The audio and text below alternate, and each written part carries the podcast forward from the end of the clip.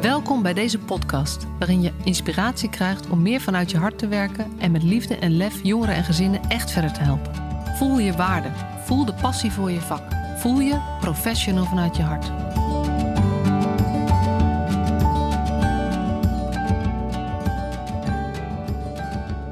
Welkom weer. Je luistert naar weer een nieuwe aflevering van de Professional vanuit je hart podcast. En ik vind het ontzettend leuk dat je weer luistert, dat je erbij bent. En ehm, vandaag ga ik in gesprek met Seval Sonmes. Ehm, ik ehm, eh, ben haar tegengekomen op LinkedIn. En in haar headline staat van uh, professionele afstand naar menselijke nabijheid. Toen ik dat zag, toen dacht ik meteen, uh, haar wil ik beter leren kennen. een aantal maanden geleden hebben we elkaar voor het eerst gesproken. toen al afgesproken om een podcast op te gaan nemen. En vandaag is het zover. Heel veel zin in. Maar um, in de tussentijd um, is er ook een documentaire op televisie geweest waar zij in te zien was. En um, uh, we hadden ook afgesproken, het is leuk om deze podcast op te nemen na de documentaire, want dat gaat over jouw leven, wat er gebeurt. En dan kan je ook gewoon nog wat, nou ja, wat dingen verder toelichten. Maar misschien uh, als je die documentaire niet het gaat over Kanaal Sociaal, heet de documentaire van Omroep Human. Uh, en het gaat over mantelzorg, um, mantelzorgers die gevolgd zijn in, uh, in Deventer en omgeving. Uh, en ja, ik, ik heb hem gezien, het heeft mij ontzettend geraakt en um, ook, nou ja, ook wel weer gespiegeld wat er gebeurt in andere huizen van mensen die ik niet ken. en Zeval is een van de mensen die gevolgd is een hele periode. Maar er wordt ook, is ook bijvoorbeeld iemand gevolgd met een, um, een zoon die, uh, uh, die uh, beperkt is, gehandicapt is. Ik weet nooit zo goed welk woord je moet gebruiken.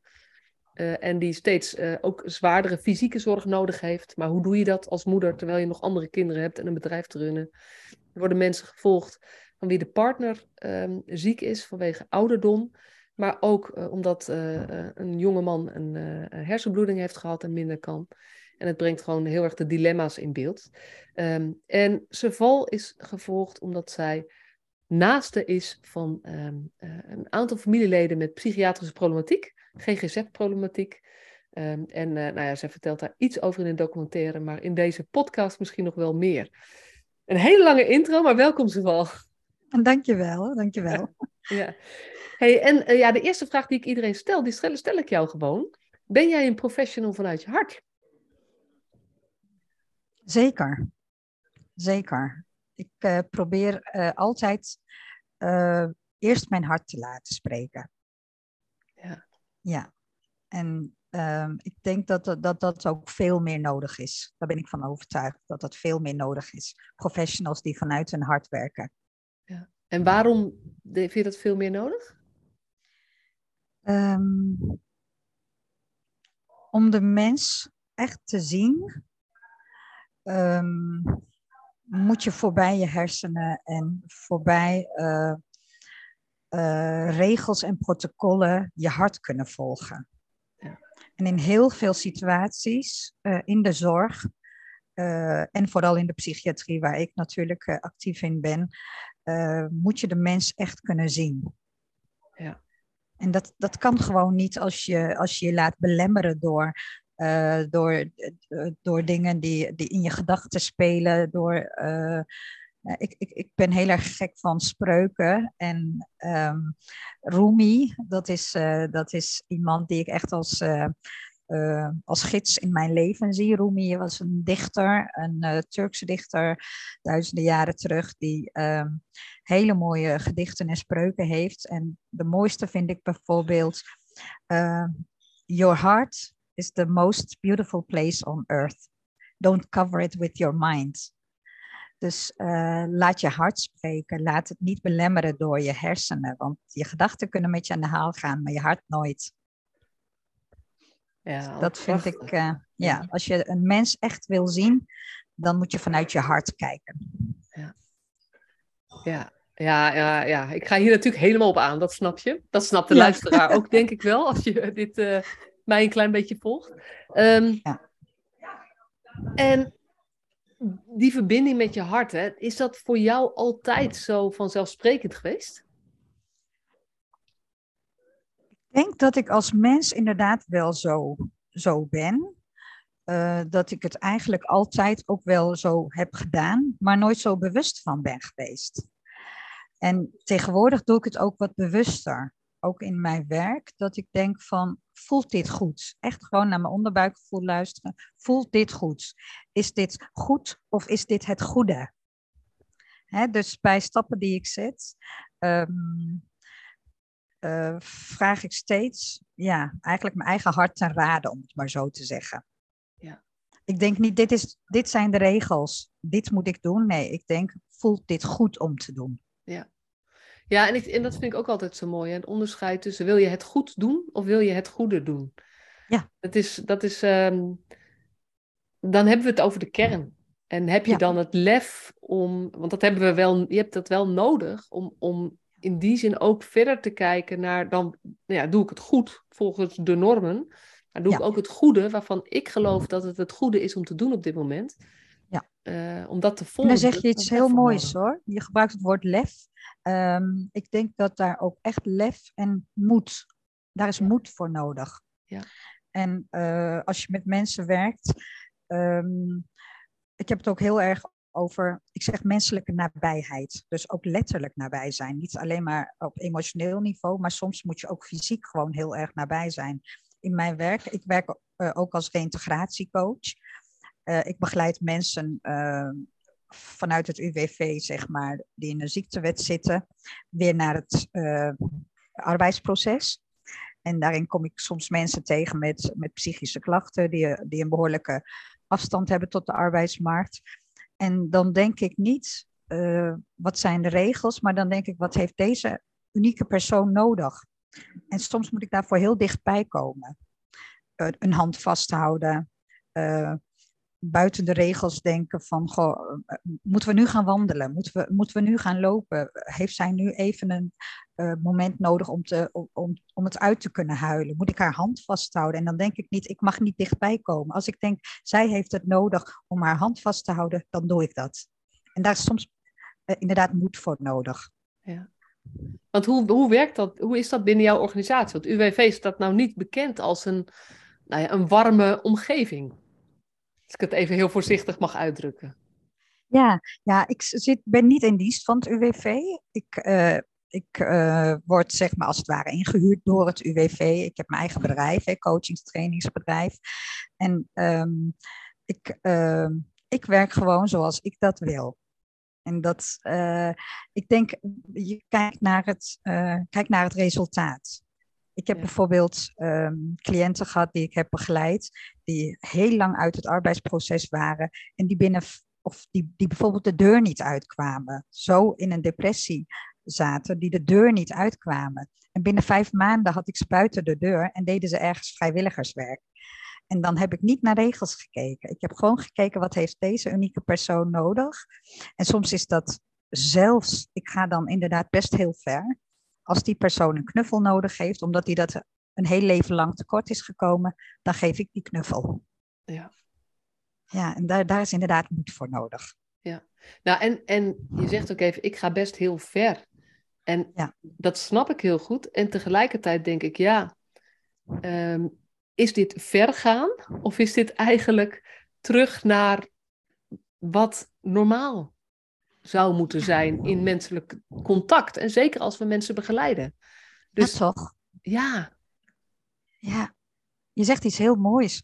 Want eh, kijk, ik, ik voel me al bijna alsof ik er, me ervoor moet verontschuldigen. Hè? Terwijl dit inderdaad in het menselijk contact zo nodig is. Ja. Hè, ehm, ik ben bijvoorbeeld een, eh, ik ben een secure base coach. Ik heb een opleiding gedaan tot secure base coach. Ehm, de term zegt het al, secure base. Dat staat voor eh, een bron. Dat kan zijn een mens, maar ook een ding, een plek, eh, een, eh, een foto. Hè, iets wat jou een secure base gevoel geeft. Een gevoel van veiligheid en rust geeft. van waaruit je vanuit die veiligheid kunt verder groeien om de uitdagingen van het leven aan te gaan. En als ik zeg, ik ben een secure base coach, iemand moet zich veilig voelen bij mij, rust ervaren bij mij, dan kijk ik, oké, wat heeft deze iemand nodig? en daar ben jij, je, je kan zeggen, jij bent bereid om ver te gaan in die zin dat je bereid bent om een stukje van jezelf, om jezelf in te zetten als dat nodig is voor die ander om zich veilig te voelen. Ehm, waarbij je ehm, eh, zoveel mogelijk afstemt op wat, wat past bij diegene. Ja, klopt. Klopt, dat zeg je heel mooi. Uh, ik zeg niet, ik gebruik geen uh, tools als instrument. Ik gebruik geen uh, methodiek als instrument. Natuurlijk zijn er, hè, ik heb een opleiding gedaan, het komt vanuit een bepaald gedachtegoed en daar zijn wel methodieken voor ontwikkeld. Dat heb je geleerd. Maar uiteindelijk ben ik als mens het instrument ja. wat ik inzet. Ja. Ja, en dat is, volgens, dat is natuurlijk waarom ik ook op die missie ben gekomen. Wat ik zo maf nog steeds vind, dat we eigenlijk die kern wel kwijtgeraakt lijken te zijn in, nou ja, de systemen. Laten we maar even in de zorgsectoren, maar ook in het onderwijs. Waarbij het veel meer gaat over ehm, wat iemand inzet dan uh, wie, wat een professional inzet dan eigenlijk dat jij zelf het instrument bent en dat je dus heel erg goed met jezelf moet kunnen werken om echt van betekenis te zijn voor de ander. Ja, ja, klopt. En weet je, ehm, daarom heb ik het bijvoorbeeld ook iets, iets verder getrokken dan wat ik zelf op de opleiding heb geleerd.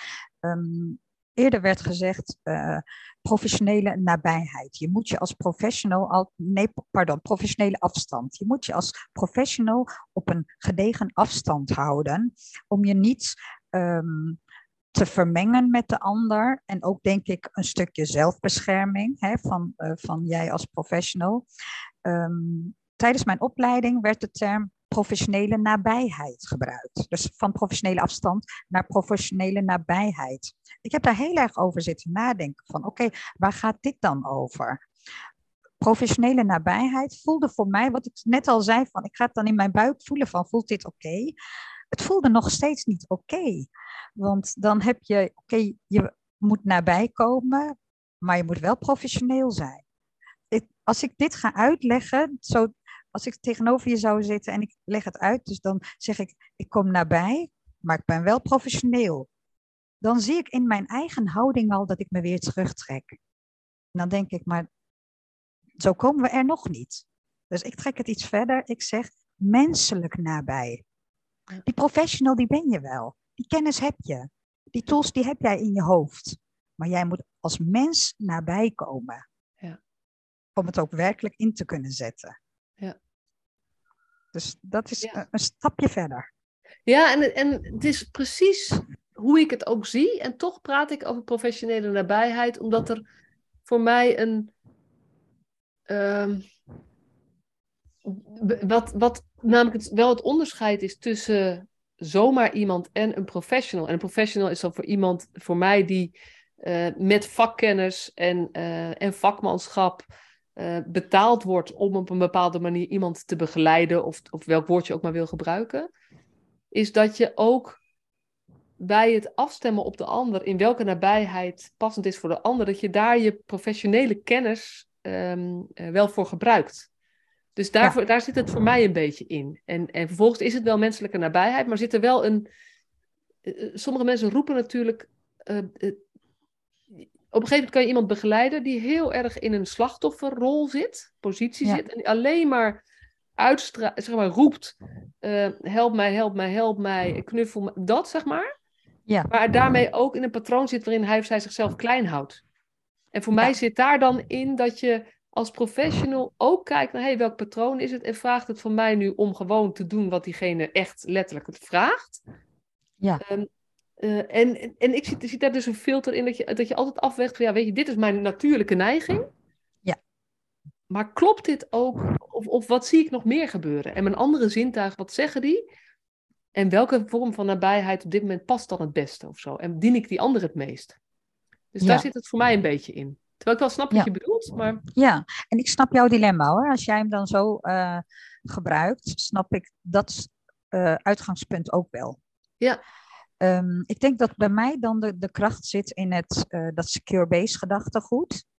Um, want als je een secure base coach wordt, dan, dan leer je uh, ook dat gedachtegoed op die manier dragen. Dat van aan de ene kant ben jij een bron van rust en veiligheid. Aan de andere kant ben jij een, de bron die uitdaagt, hè, die weer een duwtje geeft om, uh, om jezelf uh, op te pakken, het leven op te pakken en de uitdagingen die het leven toch wel gaat brengen, ook weer aan te gaan. Ja. Daar gaat dat, dat is die, die wisselwerking van aan de ene kant veiligheid, aan de andere kant even weer. Ik, ik vergelijk het heel veel met, met het ouderschap, ja. um, want daar gaat het ook uh, allemaal over.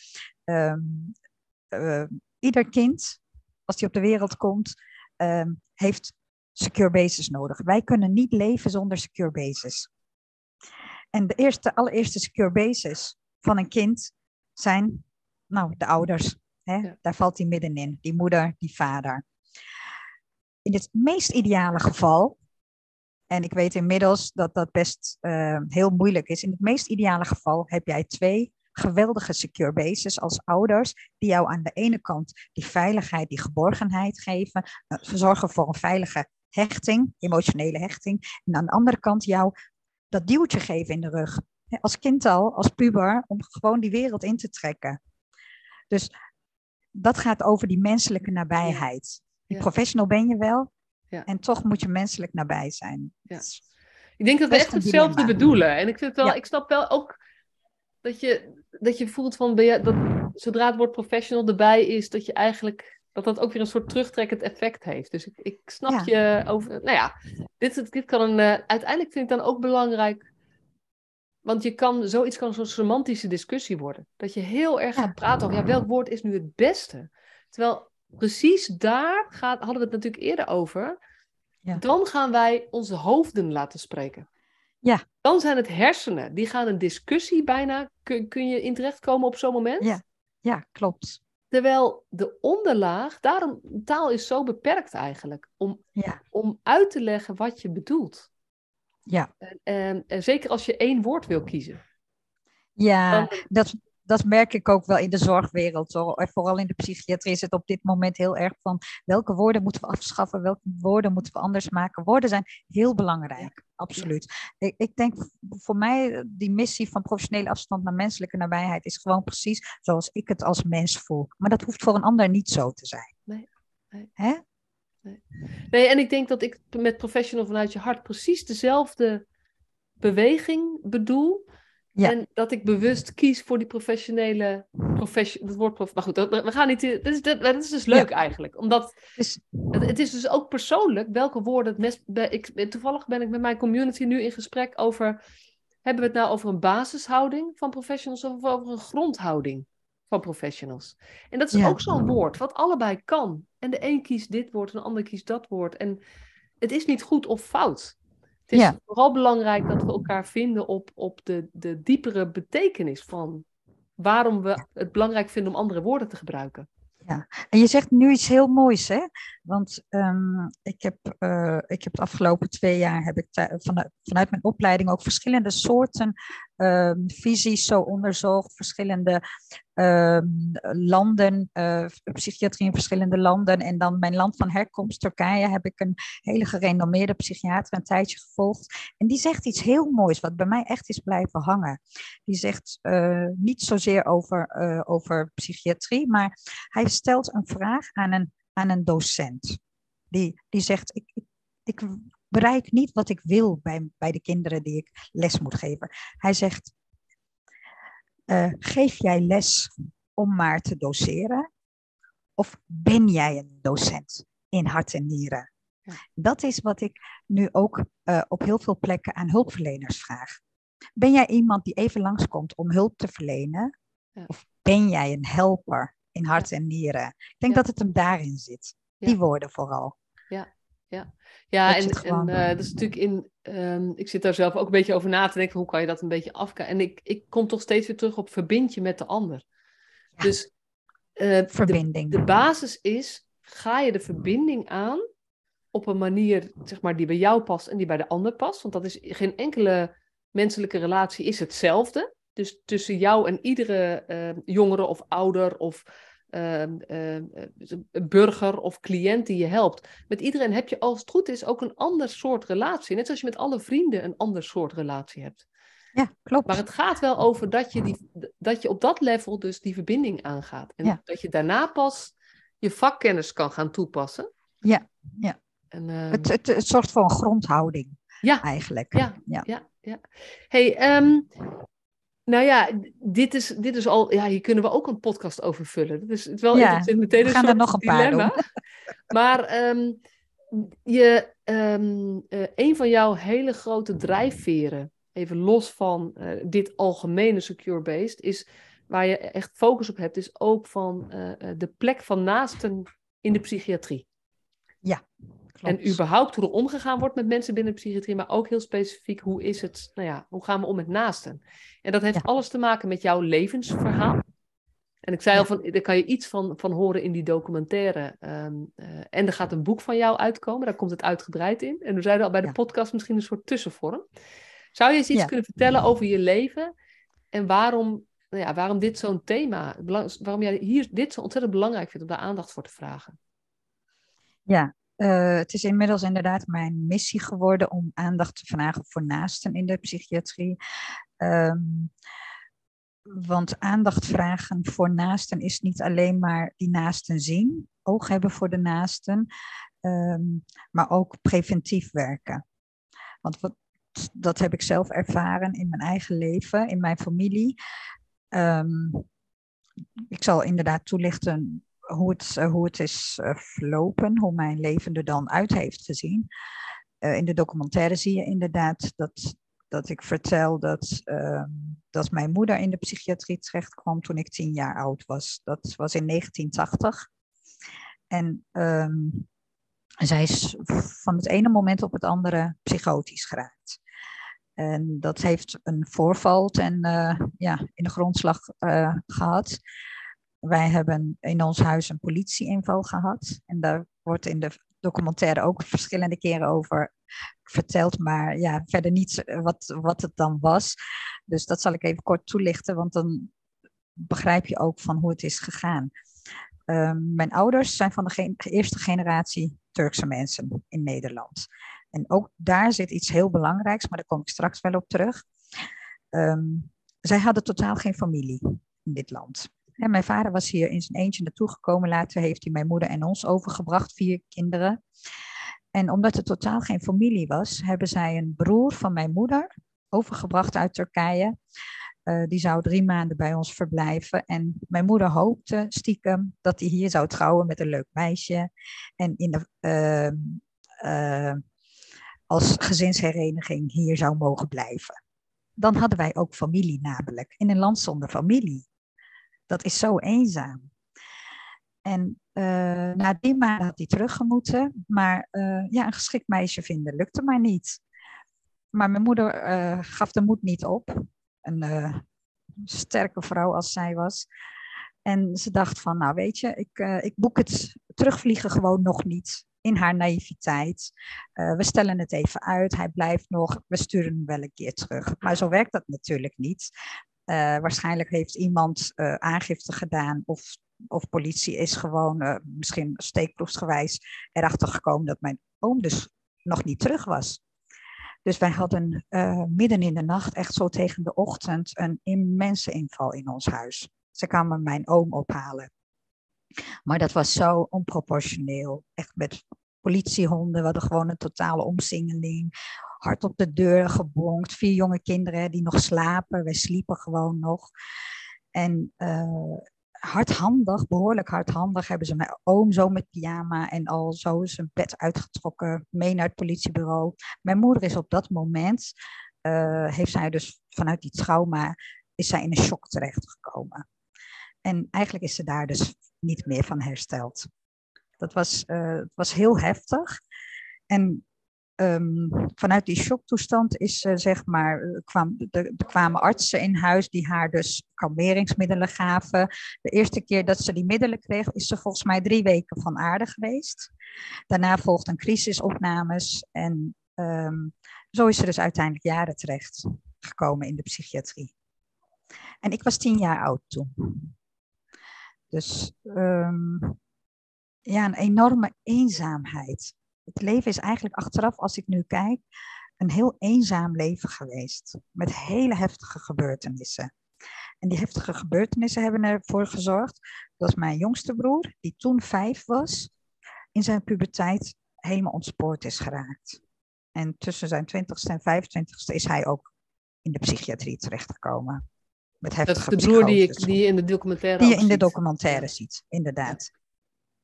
En dat is dus uh, mijn punt. Als ik nu achteraf zo kijk, is er op dat moment niet genoeg oog geweest voor mijn moeder. Ze hebben de mens niet gezien. Zij hebben niet gekeken wie is deze vrouw, wat is hier gebeurd, welk verlies heeft ervoor gezorgd dat deze vrouw nu op dit punt is beland. Uh, er is direct alleen maar met medicatie gewerkt, met opnames gewerkt. Nooit, maar dan ook nooit, is er naar haar levensverhaal geluisterd. En dat weet ik, want ik moest als tienjarig kind mee om te tolken voor haar. Ik zat er iedere keer bij bij de psychiaters. Dan denk ik, wow, hoe dan? Hoe dan? Hoe kun je een mens op die manier alleen maar ehm, ehm, eigenlijk met medicatie uh, symptomen onderdrukken, jarenlang in die situatie houden, terwijl je misschien als je even had geluisterd wat zij op haar hart had, wat haar verliezen zijn en uh, had geprobeerd um, haar uh, ruimte te bieden om aan zichzelf te werken, die verliezen accepteren en weer doorgaan in het leven, had onze hele familiegeschiedenis er anders uit kunnen zien. Ja. Met de wetenschap van nu weet ik dat het er heel anders uit had kunnen zien. Dan had mijn broer misschien niet ook in de psychiatrie terechtgekomen. Um, daarnaast heb ik zelf heel veel uh, problemen gehad in mijn leven. Ook in mijn eigen gezin, met mijn eigen kinderen, in mijn moederschap. Um, dat is, het is een domino-effect. Wat bijvoorbeeld, ik zit nu in heel veel werkgroepen in de, in de psychiatrie. Er is een, bijvoorbeeld een onderzoek vanuit Hogeschool Windersheim, dat heet Wie kunnen meer dan één. Daarin wordt er onderzoek gedaan naar de samenwerking in de driehoek hulpverlener, cliënt, naaste. En ook daarin mis ik nog steeds uh, een stukje inzicht van, en dat roep ik nu steeds vaker, het begint ook te komen hoor. Maar ik mis dan de inzicht van waarom is het zo belangrijk om oog te hebben voor die naaste? Het gaat niet alleen maar om die samenwerking voor dat moment. Als je die naaste meeneemt, het hele systeem eigenlijk meeneemt, kun je die ene persoon die als cliënt aan jouw tafel is, helpen. En tegelijkertijd een heel systeem eromheen helpen. Dus hoe preventief is dat? Ja. Ja. Ja. ja. Het is ook. Uh, 1980 is natuurlijk lang geleden. En uh, ja. de kennis over de effecten van trauma zijn natuurlijk nou ja, de afgelopen tien jaar zeker. Uh, maar eh, de afgelopen twintig jaar is dat steeds, hebben we daar steeds meer zicht op gekregen.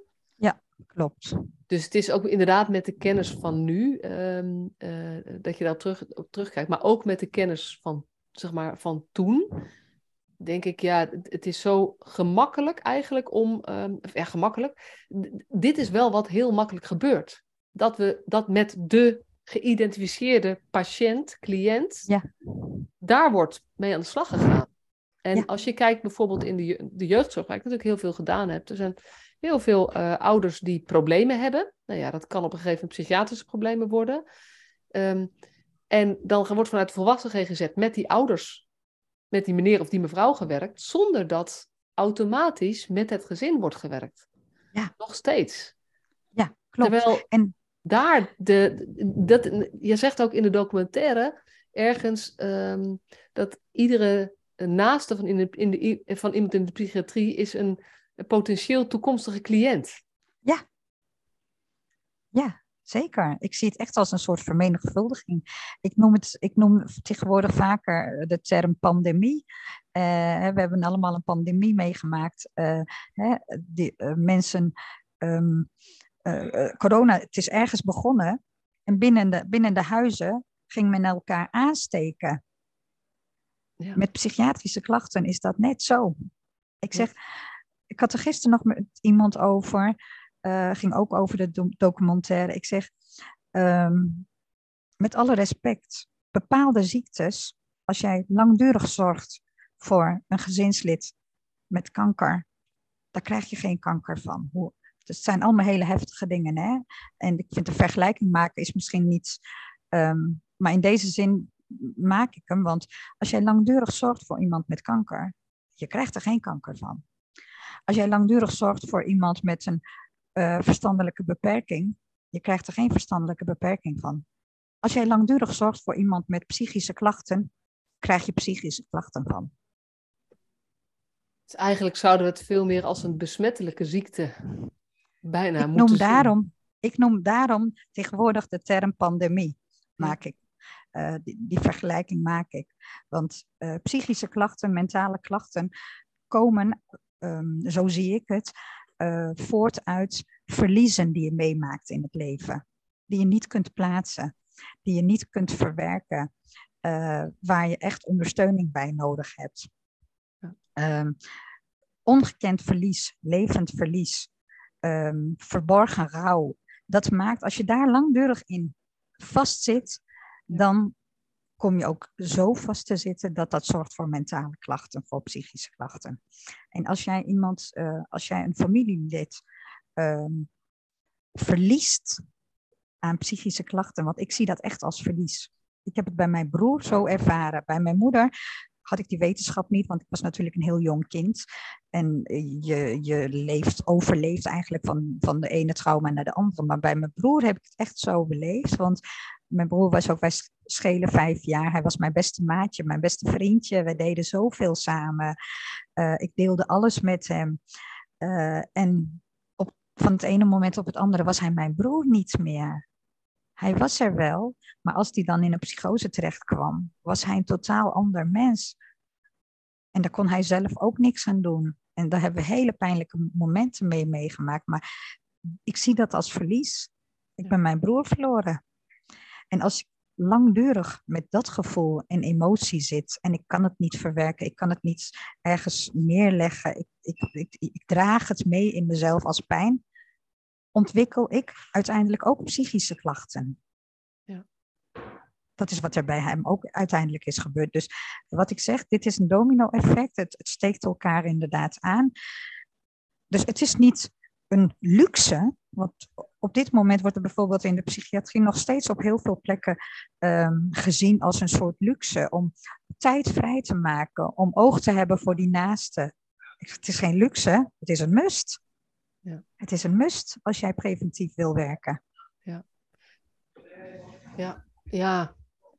En dan de, ik zei natuurlijk net van de, uh, de afgelopen uh, 10 jaar, 15 jaar, 20 jaar wordt er zoveel meer aandacht besteed aan trauma.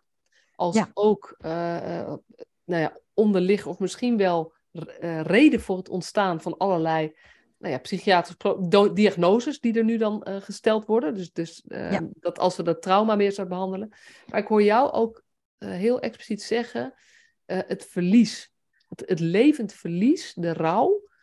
Um, ja. Dat is natuurlijk een heel, dat is, dat is niet per se trauma. Weet je, je zou bij, jou, bij jouw moeder, als ik me daar een beetje in verplaats, denk ik, het is het levend verlies van zo alleen zijn in een land waar je ja. niet thuis bent.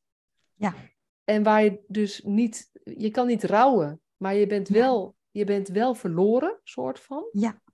Gecombineerd met de trauma's door zo'n politieinval, waarin jouw broertje gewelddadig, uh, zeg maar, meegenomen wordt, jouw ja. huis overhoop gehaald wordt en met, met heel ja. veel, ja, ik, ik, weet ook niet hoe ze, hoe, wat ze in Turkije meegemaakt heeft, maar zeg maar, nou ja, het is nogal indrukwekkend. Dus er zit ook nog eens trauma's bij. Dus het is een combinatie met misschien nog wel heel veel andere dingen, maar dit haal ik er al eventjes uit. Ja, ja en je hebt meteen de, de kern eruit gehaald. Het belangrijkste heb je eruit gehaald. Um, en uh, als, we het, als we het algemeen moeten kijken, is het, uh, dat van dat ontheemd zijn al zo'n enorm groot verlies. Ik denk dat dat bijvoorbeeld op dit moment een thema is om er echt aandacht op te vestigen. Want er is nu bijvoorbeeld uh, een hele grote groep mensen uit oorlogsgebieden ja. hier. Ja. Je kunt erop wachten dat die over 10, 15 jaar in de GGZ landen. Want die, ze hebben zoveel verlies meegemaakt. Verlies doet zoveel met een mens. Mijn moeder heeft op dat moment haar broertje uh, verloren, als het ware. Ja. Uh, ze hadden totaal geen andere familie.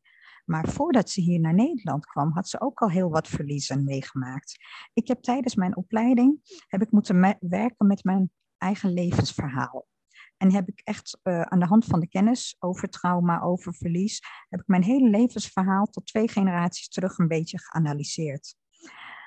Mijn moeder, uh, kijk, zij zijn natuurlijk niet voor niets hierheen gekomen. Ze zijn uit armoede hierheen gekomen. Als ze het daar goed hadden, waarom zouden ze naar een vreemd land gaan? Zij komen uit armoede. Mijn ouders leefden in een heel klein dorp in Turkije. En uh, ze hebben onze oudste twee zussen, haar eerste kinderen heeft zij verloren in de eerste levensjaar, doordat er gewoon geen geld was om naar dokter te gaan. Die verliezen had zij daar al geleden. En het leven daar, vanuit die armoede, was ook zo, je gaat door. Je hebt geen tijd om te rouwen. niet, niet praten, niet, uh, maar poetsen, weet je wel, dat idee. Dus de volgende dag zat zij weer het land te ploegen. Of dat, er is geen moment, uh, tijd en ruimte voor. Rouw is zo belangrijk in ons leven. Ik zag, dat is de basis van mijn, van mijn werk ook. Ik kijk naar alles wat ik als secure-based coach doe. Kijk ik, wat heeft deze persoon aan verliezen in het leven? Heeft, ze erom, heeft hij erom kunnen rouwen? Ja. Dus mijn moeder had al zoveel verlies. Ze was haar huis verloren, huis en haard, naar een ander land gekomen. Dat kleine beetje hoop op een beetje familie hier is haar op een hele brute wijze ontnomen vanuit haar optiek. Dat is het punt geweest waar zij neerviel. Ja. En als ze haar verlies en dat gevoel daaromheen op dat moment had kunnen uiten, had het misschien heel anders kunnen lopen. Maar wat ik zeg, inderdaad, het zijn de jaren tachtig. Tegenwoordig is er gelukkig wel veel meer inzicht. Hè? Als je bijvoorbeeld kijkt naar wat Bessel van de Kolk allemaal roept over trauma. Nou, uh, wat Dirk de Wachter allemaal vertelt. Dat zijn dingen die heel dicht bij mij staan. Dus gelukkig hebben we meer inzicht. En toch zijn we er nog niet.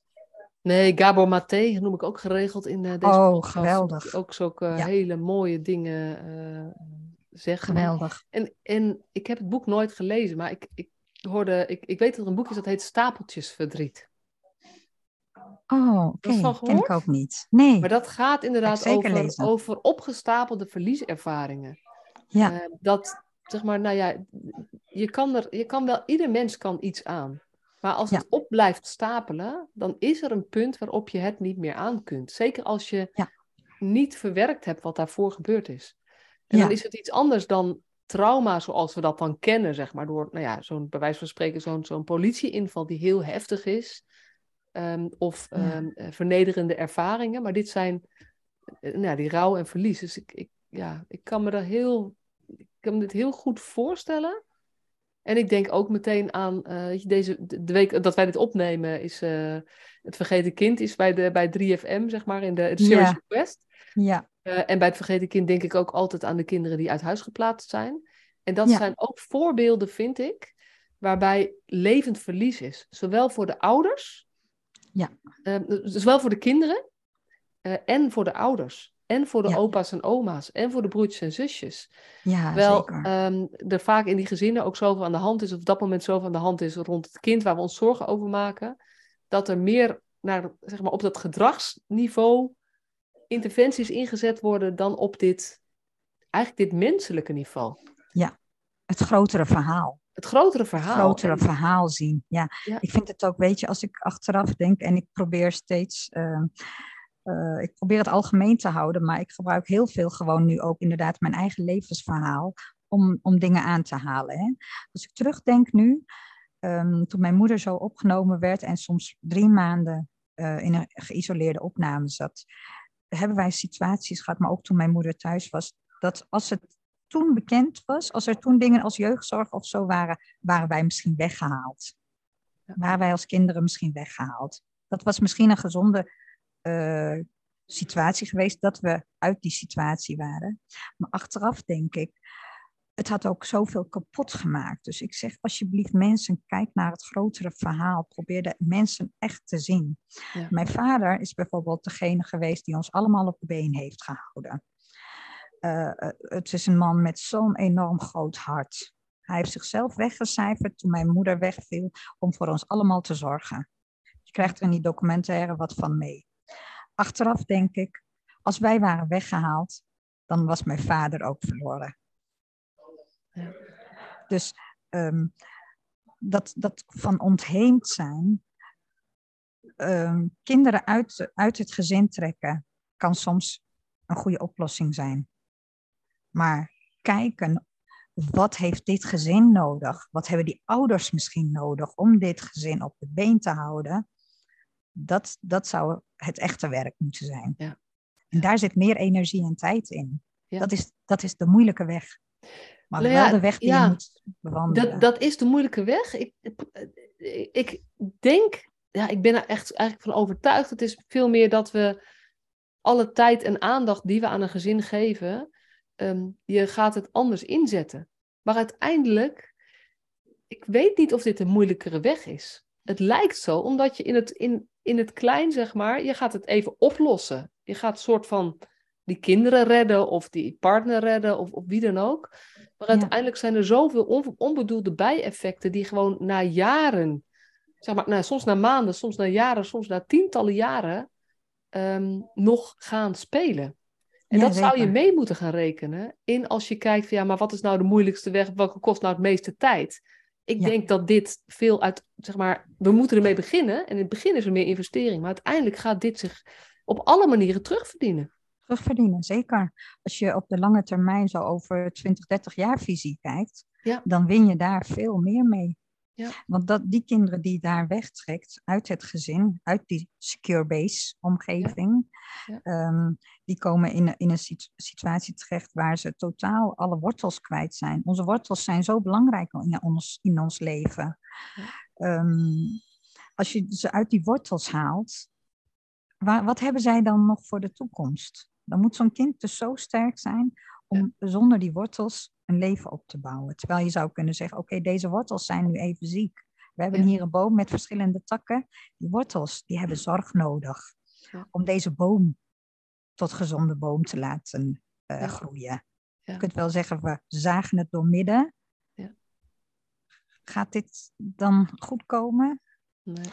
In een enkele geval misschien wel, maar je moet naar de hele boom kijken met al die wortels.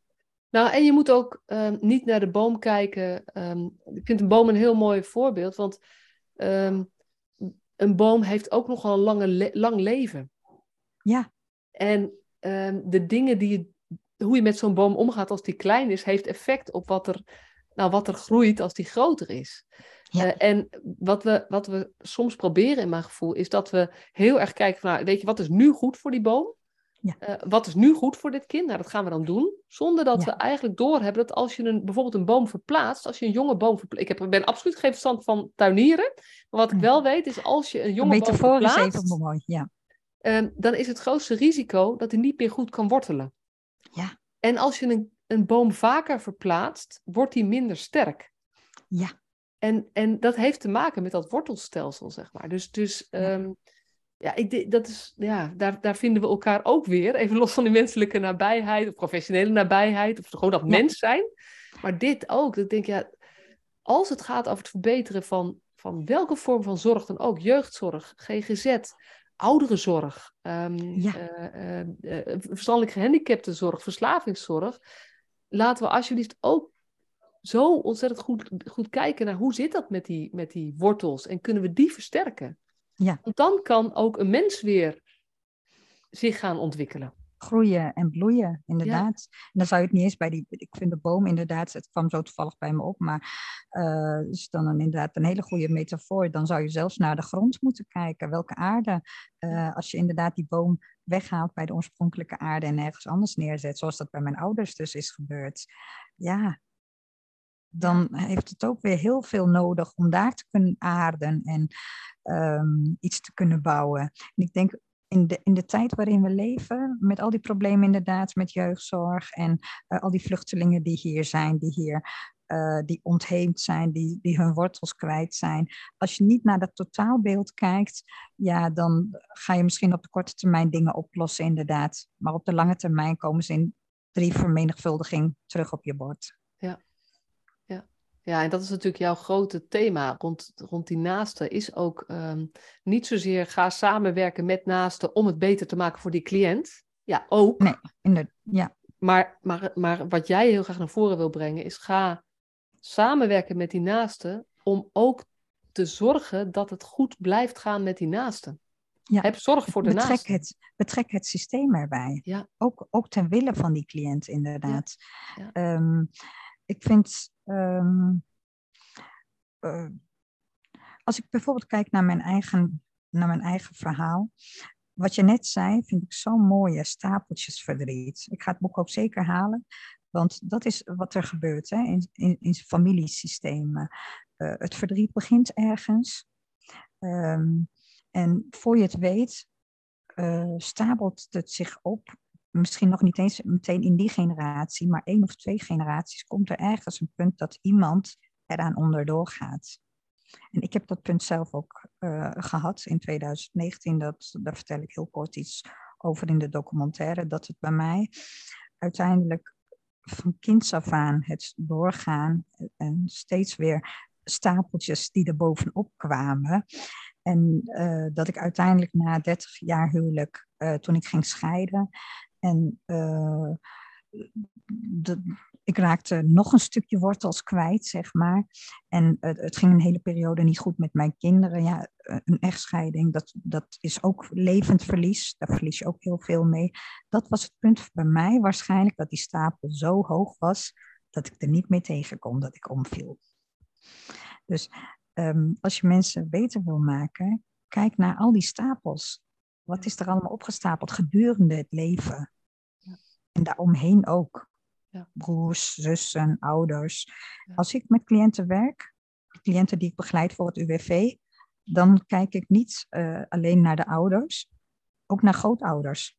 Het liefst nog één of twee generaties terug. Want sommige dingen, in het Turks is er zo'n gezegde dat um, eh, ik weet hem even niet meer precies te vertalen, maar het gaat erom dat ingesleten tradities, trauma's, verliezen zeven generaties kunnen duren. Zeven generaties. Poeh. Maar daar is heel wat werk te verrichten, toch? Op de lange termijn. Ja, dat zit ook in het systemisch werk heel erg, waar ik ook uh, uh, veel mee gedaan heb met familieopstellingen en zo, uh, ken ik ook. Ja. En, en ik denk ook, um, er zijn zoveel wijsheden ook uit andere culturen, waar wij hier in Nederland, uh, zeg maar, die rijkdom zouden we wat meer mogen, mogen benutten ook, zeg maar. Dat is ook nog een... Uh, Zeker, ja. daar zeg je een hele mooie hoor. Ja. Absoluut. Daarom gebruik ik bijvoorbeeld heel veel uh, de, die wijsheid van Rumi. Daar ja. zit zoveel in. Ja. zijn spreuken, maar ook bijvoorbeeld het spirituele daarvan. Ja. Uh, het verhaal van Rumi is namelijk dat hij, um, hij was ooit in, in die tijden was hij een, een imam, zeg maar, die, die, die het volk toesprak, um, maar eigenlijk het volk niet zag. Dus levend in weelde, niet bewust van de ar armoede in zijn stad en dat soort dingen. Tot hij op, op een gegeven moment um, een gids kreeg in zijn leven, ja, dan moet je het verhaal wat meer kennen. Maar die bracht hem meer bij de, bij de kern van de ziel. Die, die zei dingen als: hoe kun, je, um, hoe kun je de armoede van je stad bestrijden als je zelf in weelde leeft? Dus daar, daar ontstond een soort spirituele ontwakening, waardoor hij daarna in alles mensen centraal stelde. Wat hebben mensen nodig? Ja. Dat vind ik wel ik vind dat zo'n mooi gedachtegoed om ook spiritueel naar het leven te kijken. Wat hebben wij als mensen nodig? Ja, ja. ja en dat is wel in onze uh, Calvinistische, ratio, zeg maar, een rationele uh, samenleving, zoals toch de Nederlandse cultuur ook.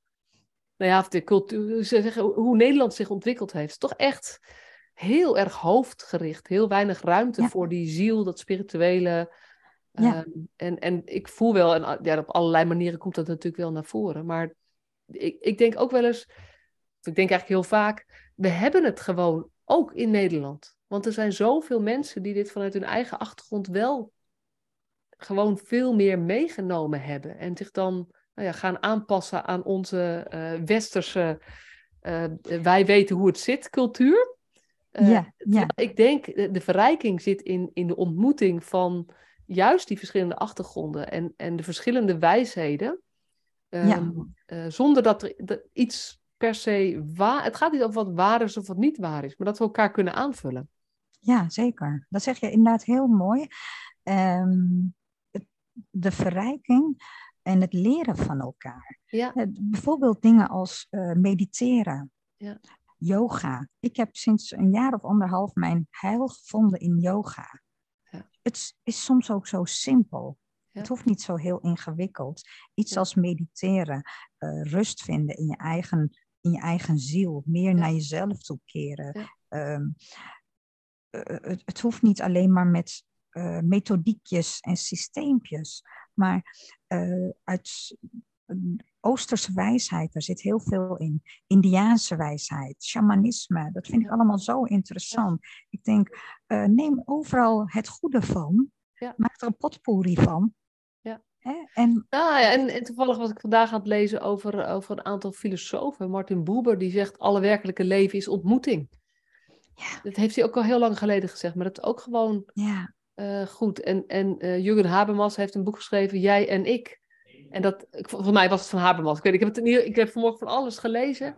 Dus Ja. zoveel dingen, we kunnen het verrijken. Maar wat nodig is, is dat we wat losgaan van... hé, hey, maar wat, wat is hier het probleem en hoe los ik dit op? Maar dat we veel meer het op zoek gaan naar het verhaal. Het levensverhaal. Ja. Maar ook het verhaal van de ontmoeting. Wat daarin gebeurt en kan ontstaan. En, eh, eh, en, en ook eh, een beetje het maakbaarheidsgedachte loslaten. Dat ik eventueel zou kunnen helpen dat het met jou weer goed gaat. Ik kan niet zorgen dat Ja. het met jou weer goed gaat. Ik kan naast je staan, een stukje Ja. met je meelopen. Ja, Ehm, inderdaad. en en ehm, ja, ik kan mezelf inzetten, beschikbaar zijn. Ja. Maar ik ga er niet over of het met jou weer goed komt. Nee, en daar zeg je iets heel moois, weet je. Eh, zo zie ik namelijk ook de, ehm, het secure-based gedachtegoed en hoe ik werk eh, met mijn cliënten. Maar ik zie dat eigenlijk eh, in allerlei soorten relaties. Als je, als je een beetje spiritueel naar het leven kijkt, is het ook... ehm, wij, wij mensen gaan niet alleen door het leven. Soms krijg je mensen op je pad, die, ehm, of gebeurtenissen op je pad, die een, een signaal zijn of een gids zijn om jou van het ene punt naar het andere te Ja. brengen in je leven. Zo zie ik dat echt tegenwoordig. Ik heb ehm, in de afgelopen twee, drie jaar ehm, kijk ik naar ieder mens die op mijn pad komt, eh, zie ik als een gids die mij iets kan brengen. Ik luister naar mensen zoals ik nooit eerder heb geluisterd. Ik merk dat ik iemand was die, die, eh, die niet luisterde, die niet echt luisterde. En tegenwoordig luister ik naar iedereen. Ik denk, zij of hij kan mij iets brengen in mijn leven wat mij zo kan verrijken. Maar ook gebeurtenissen. Ik heb veel meer geleerd om los te laten. Ik besefte dat ik, dat ik heel veel probeerde te controleren. Alles, eh, alles onder controle houden was ook, denk ik, een soort secure base voor mij. Ja. En tegenwoordig. Ja, en dat is de los. illusie van dat, het daarmee, dat je daarmee eh, het kwade bezweert of zo. Of dat je daarmee... Ja. Maar het is ook Ja. een illusie. Ja, zeker. Dus, dus het, Zeker. het kunnen loslaten van de illusie. En daarmee veel meer in het leven zijn. Nou ja, het Eckhart Tolle natuurlijk leven in het nu. Er Ja. zijn zoveel eh, ehm, ook, ook, ja, verrijkingsmogelijkheden als je, ze, als je ervoor open gaat staan. Ja, kijk, weet je, ehm, wat je net zei was heel mooi over de maakbaarheid van het leven. Je kunt het leven niet maken. Het leven gebeurt. En als je daar, eh, als je daar zo naar leert kijken, dan gebeuren er soms ook wonderen. Ja. Ja. Ja, ik vind, het, Bijvoorbeeld- ik, vind het, ik vind het, ik zou nog graag lang met je door willen praten, maar deze Ja. podcast tijd, die is wel, wel eh, we, we moeten het gaan afronden. Nu al. Ja. Gaat snel, hè? Ja, nou, we moeten het even over hebben of we nog een vervolg... eh, er gaat vast een vervolg komen. We moeten even bedenken wanneer. Want dat lijkt mij wel Ja. heel erg leuk. Want ik vind het heel inspirerend. En ook zo mooi, zeg maar. Hoe je van zoveel andere kanten weer dingen toevoegt. Ook aan, eh, nou ja, aan, aan mijn eigen brein en, en weten. En eh, het weten is zoveel groter als je ook elkaar ontmoet en samen gaat nadenken. Dus, dus Zeker. zo'n rijkdom. eh, En eh, andersom heb ik ook weer heel veel van jou geleerd. ja. Zo verrijken we elkaar. Ja, mooi echt, is dat, hè? verhalen brengen ons gewoon naar elkaar toe. Ik heb heel veel van je geleerd vandaag. Ja, da- ja, dankjewel. Dat is wederzijds. Hey, en is er nou iets waarvan je denkt, ja, maar dit wil ik echt nog graag eventjes noemen, onder de aandacht brengen of nog een keer noemen omdat het voor mij het allerbelangrijkste is, als een soort uitsmijter? Nou, eh, ehm, ik denk dat we. Ehm, het, het, gaat echt om het verrijken, om het elkaar verrijken en luisteren naar elkaars verhalen. Daar zit het hem in. Ik zeg altijd: kijk met je hart. Kijk met je hart, luister naar elkaar. Daar worden we allemaal zo'n mooie mens van. Dankjewel. Ja, alsjeblieft. Jij ook, dankjewel.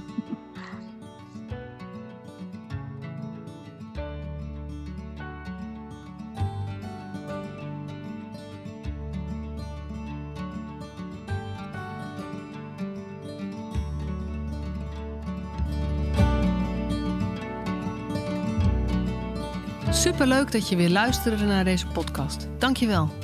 Nog even kort een paar belangrijke dingen. Ten eerste, het is mijn missie dat de jeugdhulp weer een sector wordt waarin bevlogen, liefdevolle professionals jongeren en gezinnen echt verder helpen.